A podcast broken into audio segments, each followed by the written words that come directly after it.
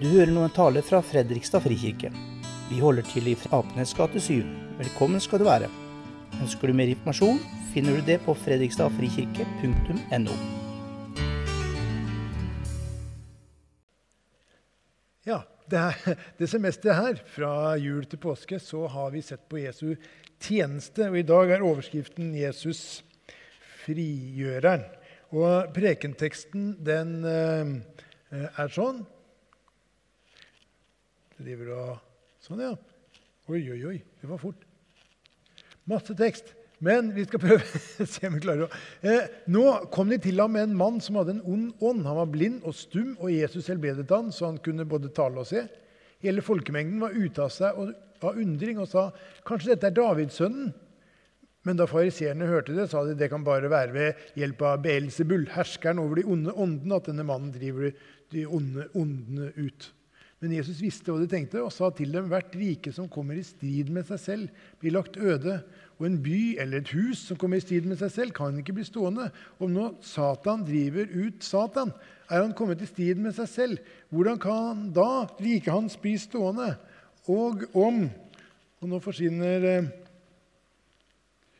Og om det er ved Beelzebul jeg driver ut de onde åndene, hvem er det da deres egne folk driver dem ut med? Derfor skal deres egne dømme dere. Men er det ved Guds ånd jeg driver ut de onde åndene, da har jo Guds ikke nådd fram til dere. Eller hvordan kan noen gå inn i den sterkes hus og røve det han eier, uten at han først har bundet den sterke? Da kan han plyndre huset hans. Den som ikke er med meg, er mot meg, og den som ikke samler med meg, han sprer. Derfor sier jeg dere, all synd og spott skal menneskene få tilgivelse for, men spott mot ånden skal ikke bli tilgitt. Den som sier et ord mot menneskesønnen, skal få tilgivelse. Men den som sier mot Den hellige ånd, skal ikke få tilgivelse, verken i denne verden eller i den kommende. Det er altså en, en tekst med 18-årsgrense. tenker jeg. Liksom å preke om demonutdrivelse og utilgivelig synd. Det er jo veldig kjekt på en dag vi ønsker nye medlemmer velkommen. Eh, heldig, heldigvis er de ikke så veldig nye, da. Ellers så hadde vi bare bekrefta alle fordommer om en frimenighet. Eh, men det verste er at jeg kunne tenkt meg liksom snakke, snakke om disse emnene, men jeg er noe annet ved teksten jeg tenker er viktigere å fokusere på. For hva handler denne teksten om? Det må være noe myndighet til å sette fri, til å frigjøre Jesu maktdemonstrasjon. Presse fram spørsmål. 'Hvem er du?' spurte folket. 'Hvem tror du at du er?' spurte fariseerne. Så hva slags Messias var Jesus? Og hva betyr det i møte med ondskap og lidelse? Jeg tenker om Svarene på de to spørsmålene er helt avgjørende. Både for deg i ditt eget liv og, og, og for deg som Guds representant i verden. Og I den teksten her så er det tre alternativer. Egentlig er det bare to, men vi later som det er tre. Det er altså eh, Davidsønnen, menneskesønnen, og hjelp av Beelzebul, eller hjelper av Beelzebul. Altså Wow! sa folket. Kan han være Davidsønnen? Altså egentlig den nye David frigjørende av Israel, den salva kongen, Messias, som skulle gjenopprette kongeriket, som, som, tradisjonen sa ville være en sterk nasjon, som kasta ut romerne, ble et rikt og verdensledende fredsrike. Altså Messias-konge som ville opphøye de rettroende og rettferdige bibelnerdene. Det var det folk flest og disiplene, og i hvert fall disse fariseerne her, eh, tok for gitt. Derfor så var jo fariseerne altså, altså så sikre på at Jesus kunne ikke være Davidskongen. Han hedra ikke tradisjonen, anerkjente ikke institusjonene. Han levde jo ikke riktig. Altså, han, han, var bare helt feil på alle måter. Ikke bare feil, altså han var blasfemisk, ulærd. Altså en oppvigler uten ærefrukt for Jave og Skriftene eller skriftlærde. Han kunne jo ikke være Messias, frigjøreren. Han, han, han, kunne, han kunne ikke det. Og de hadde rett. Hvis de hadde hatt rett.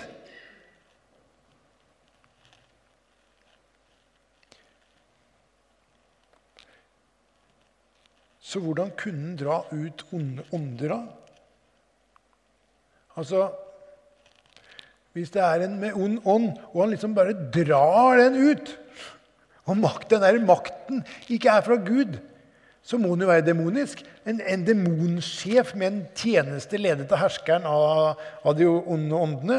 Og så må det være Beelzebul. Det må jo være det. Eller Baal Zebub.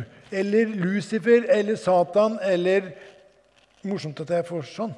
Eh, og, eller djevelen eller slangen, som i Bibels sammenheng er den, er den samme. Ikke helt den samme, men nesten nok. Nesten nok er en bra standard i en preken.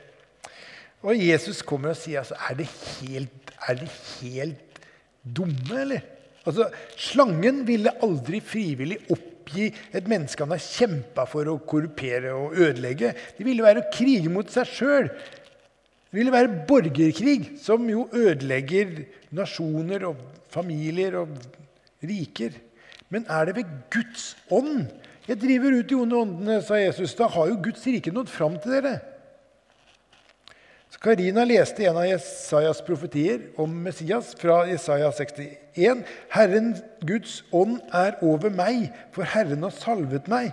Han har sendt meg for å forkynne et godt budskap for hjelpeløse, for å forbinde dem som har et knust hjerte, rope ut frihet for dem som er i fangenskap, og frigjøring for dem som er bundet, for å nå, rope ut et nådens år fra Herren. Og ca. 700 år senere, etter Jesu dåp, etter ørkenfristelsen, så kom han en dag til synagogen i Nasaret, ble bedt om å lese fra Skriftene. Så fant han fram denne profetien og leste den. Så rulla han bokrullen sammen, rakte den til synagogetjeneren og satte seg. Og alle synagogen stirra spent på han. Og han sa, 'I dag er dette skriftordet blitt oppfylt mens dere hørte på. Dette var hans programerklæring. At Guds rike hadde kommet, at, at hans messiastjeneste var oppfyllelsen av profetien. Demonutdrivelse var bare en av konsekvensene, og fariseerne burde ha sett det. Jesus kalte seg sjøl sjelden Messias. For han, han, var jo ikke Messias Davidsson sånn som de skriftlærdes tradisjon tilsa, men sånn som Skriftene hadde forutsagt. Å se Jesus som den salva kongen fra Davids slekt er så viktig at vi bruker omtrent som, som navnet hans. Jesus Kristiansen, som jeg sa da jeg var liten. Eh, Kristus er jo gresk. Og på norsk så blir det Jesus den salvede. På hebraisk Jeshua Messiah med veldig sterk Fredrikstad-aksent. Um, så at Kristus er Jesus, at Jesus er Kristus, det er vår trosbekjennelse. Men sjøl kalte han seg som engel menneskesønn, som Jesus helt bevisst bruker synonymt med Messias. Og jeg tenker, hvorfor, hvorfor menneskesønn? Da må, da må jeg liksom ta en liten sånn sidesprang. Det kommer fra et helt sprøtt, men viktig kapittel i Davids bok. Daniel han hadde altså en merkelig drøm og så fire monstre fra et dypt og mørkt hav. Det var sånn hybridlignende, skremmende skapninger. Som, altså symboler egentlig for imperier og herskere satt sammen av bibelske bilder. Merkelig drøm. Kjenner du noen, jeg kjenner noen som elsker å fortelle om drømmene sine? Er det, er det interessant? Jeg bare tenker om du er helt ærlig. Nei. Du må jo bare late som du er interessert. Og, du, og om du er en av sånne som forteller drømmer Nei, ikke gjør det. Det er så slitsomt. Be, beklager. Det er ikke del av preken. Nå bare snakker jeg sant. Så, så hvorfor skal vi snakke om Daniels sin drøm? Jo, fordi den viser hvem Jesus mente han var. Men for å starte fra starten I begynnelsen så skapte Gud dyr. Og Adam, som betyr menneske, eh, og Eva, som betyr liv. Gud ga menneskeheten en kongelig oppgave. Å være Guds representanter til å administrere jorda og dyrke mat og, og skape familier og samfunn og, og, mer liv.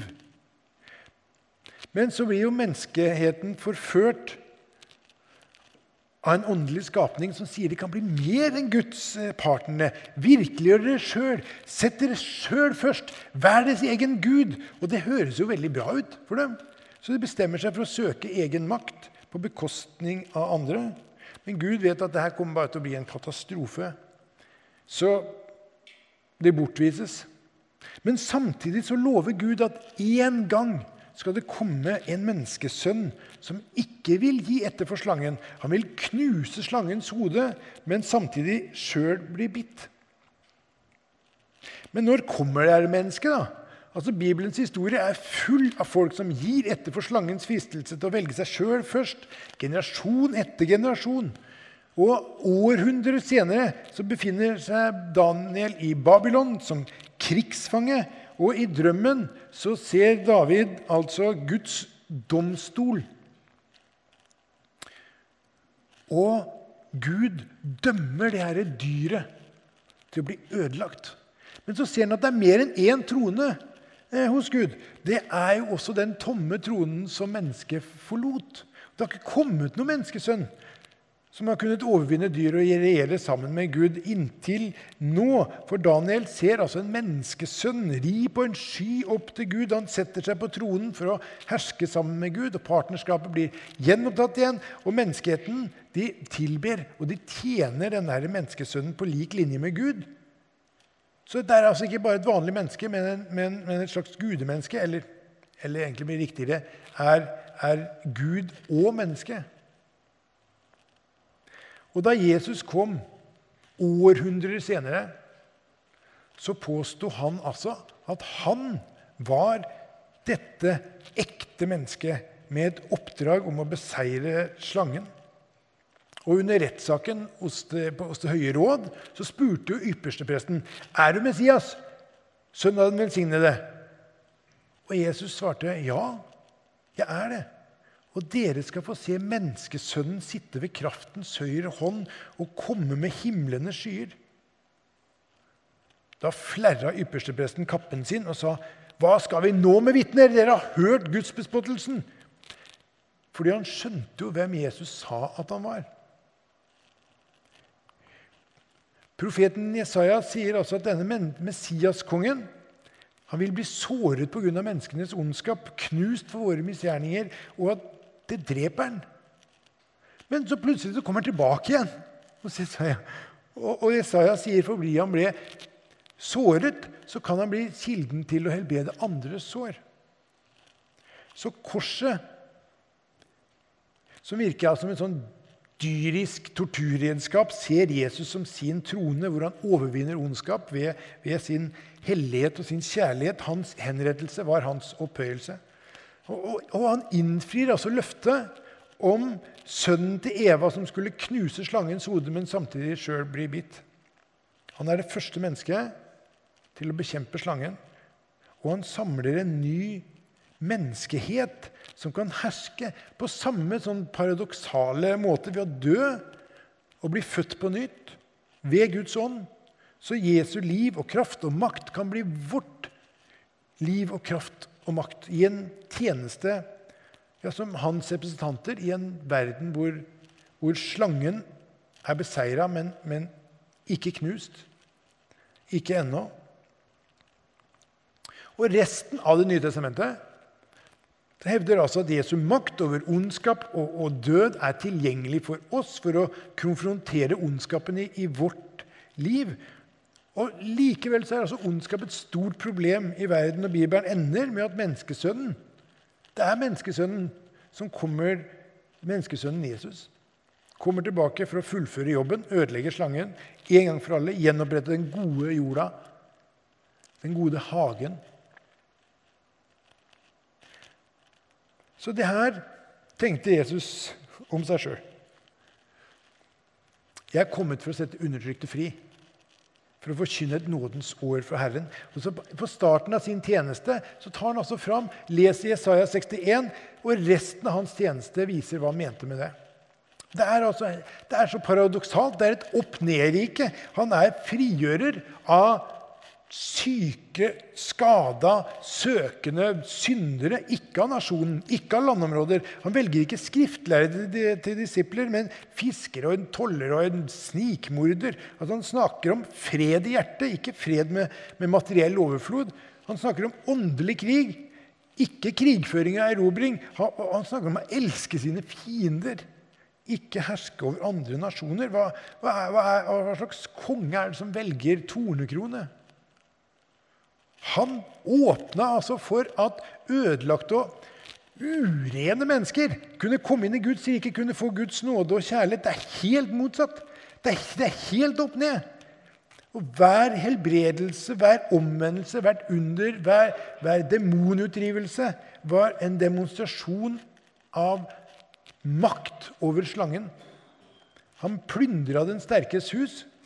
Hans tjeneste var bevis på hans redningsaksjon for Adam, altså menneskeheten. Så Det var litt om hva det betydde for de første kristne. Hva skal det her da bety for oss? Vi er, en, vi er en menighet som er veldig dårlig på eksorsisme.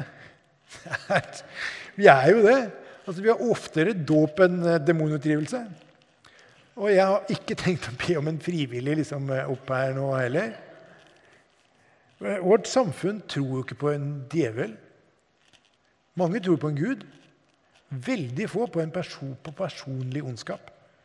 Og jeg, merker, altså jeg kjenner det sjøl òg. Altså det er liksom litt flaut å snakke om djevelen. Og Det minner meg om et sitat jeg hørte da jeg var ung, av en overlevende fra en konsentrasjonsleir. Sachsenhausen eller Auschwitz. Jeg husker ikke navnet hans. Jeg, jeg har lett etter med, Men i så fall altså det, det, han, sa altså etter den umenneskelige torturen i leiren, så sa han jeg syns det er vanskelig å tro på en gud. Men jeg har ikke problemer med å tro på den onde. Og i det perspektivet så blir plutselig min flauhet som flau. Puslete, blitt så umodent.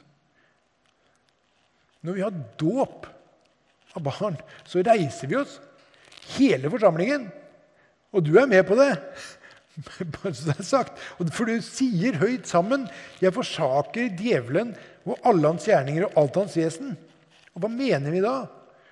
Vi mener vel djevelen, da? Og I prekenteksten her så har en demon gjort en mann blind og stum. Altså En kristen kan ikke bli besatt, for Guds ånd bor i oss. Men det betyr jo ikke at du slipper åndelig kamp. For i vår tjeneste, vårt oppdrag i verden, altså som Guds representanter, så har vi ikke en kamp mot kjøtt og blod, men mot makter og åndskrefter, mot verdens hersker i dette mørket, mot ondskapens ånde er det himmelrommet, sier Paulus. Og jeg vet ikke hva dine åndelige kamper er. Hva som forsøker å rive eller lokke deg bort fra Gud. Om det er misunnelse, om det er porno, om det er spilleavhengighet, bitterhet, kjærlighet til penger, sinne eller, eller, eller noe helt annet. Men jeg tenkte jeg kunne si noe om minnet. Kanskje du kjenner igjen noe. Eh, en, jeg har altså så liten selvdisiplin på tidsbruken min. Så små unnskyldninger holder til å la være å be eller, eller lese i Bibelen. To, jeg merker en sånn stadig dragning mot religiøsitet. Der jeg som gjør kristendom istedenfor å leve kristendom. Da blir det religion istedenfor relasjon. Tre, så dill og dall og blanke ting tar liksom fokus bort fra Gud. Så denne verden som glitter og stas begjær for ting og komfort, den brukes til å sløve kristenlivet mitt. Og fire menneskefrykt. Jeg er ofte mer opptatt av å bli likt enn å, enn å tørre å snakke om Jesus. Det behøver jo ikke være noen motsetning der, men, men det hender jo at det er det. Så vet jeg at mesteparten av dette her er skrøpelig personlighet. Men jeg kjenner jo at når den pirkes i og dyttes på og vris og forvrenges, så kan det påvirke troslivet mitt. Både du og jeg har åndelige kamper hvor slangen bruker din dødelighet. Forsøker å få deg til å unnskylde den eller bagatellisere den. Som det er bare noe å leve med. det er ikke noe å bry seg om. Eller bruker ødelagtheten din for at du skal fordømme deg sjøl. Fokusere på nederlagene dine. Eller for å la være å komme til Gud. Ikke, ikke ydmyk deg, ikke omvend deg, sier slangen. Ikke gå til Gud med din ødelagthet. Det er feien under teppet, som kan modnes til skam og selvforakt. Og Alt gjøres altså med samme innfallsvinkel, den samme strategien slangen alltid har hatt. Har Gud virkelig sagt det? Nei. Virkeliggjør deg sjøl. Sett deg sjøl først. Vær din egen Gud. Hva slags Messias var Jesus? Fortsatt er det mange som har samme forventninger til han som jødefolket hadde til Davidsønnen. Altså en som hjelper til med materiell velstand og et problemfritt liv. Men det her er viktig. Jesus kom ikke for å bytte dine byrder med lykke eller helse eller økonomi. Men hvile, glede og fred. Og hva betyr det i møte med ondskap og lidelse? At han er der. Jesus sa, 'Skjønner dere ikke? Guds rike har jo nådd fram til dere.' 'Sånn jeg er, sånn er Gud.' Han sa, 'Meg er gitt all makt i himmelen og på jorden.' 'Gå derfor ut, fordi, fordi jeg er med dere.' Om Jesus har all makt, betyr ikke det at du kan komme da? Når han sier 'kom som du er'? For kristne i 2000 år så har Jesus kjærlighet gitt styrke i møte med ondskap og lidelse. Og Det å vite at ingenting kan skille oss fra Guds kjærlighet, det er verken nød eller angst eller forfølgelse, sult, nakenhet, sverd Så kan man kanskje si at kjærlighet, kjærlighet er ikke det liksom et enkelt svar liksom, bare for å slippe unna. Nei, er ikke det, for dette her er ikke sånn Paradise Hotel, uforpliktende løs, søtsuppekjærlighet. Dette, er, dette her er hardcore 'jeg elsker deg høyere enn døden'-kjærlighet. At Jesus er en sånn Messias, det gjør hele forskjellen i møte med ondskap og lidelse. Han er ikke min tilflukt fra lidelse. Han er min tilflukt i lidelse. Han er der midt i. Altså, det er et helt opp-ned-rike så må du være ren før du tar en dusj. Må du bli frisk før du kan ta medisin. For du skjønner, Det er jo sånn at alle åndelige kamper har en mørk, slangeinspirert hensikt å gjøre deg blind og stum i møte med Guds nåde. At du ikke skal se den eller be om den. For slangen vet jo hvordan Gud tar imot de som kommer til han, akkurat sånn som Jesus Messias tok imot de som kom. Jesus krever ikke at du er ren og frisk før du kommer. Han sier 'kom som du er'. Vend om, følg meg. Altså, Ganske tøft, i hvert fall for meg. Han sier 'vær ærlig'. Kom til meg med alt. Vær åpen med meg om dine åndelige kamper. Snakk med meg om det du har mest lyst til å holde gjemt i mørket. Det var deg jeg kom for, for å gjøre deg fri. Og det er det du kommer med. Jeg kan gjøre deg fri fra. Jeg er frigjøreren, og det jeg gjør, er for deg, og jeg gjør død til liv for deg. Så hvordan er Jesus frigjøreren? Det er ikke fra et liv med sorg og strev og død, men fra død til et nytt liv. Så jeg har bedt Utim å synge en sang. Det kan bare komme opp. En veldig kjent sang som for noen vekker mange assosiasjoner. Eh, for andre så føles den sangen helt sånn utbrukt. Beklager det. Den er kanskje et rart valg òg. Syns fortsatt det er et rart valg. men, men, for meg så viser den sangen noe av hva slags Messias Jesus er, og hva det betyr i møte med, med ondskap og lidelse. Så da skal vi få en sang.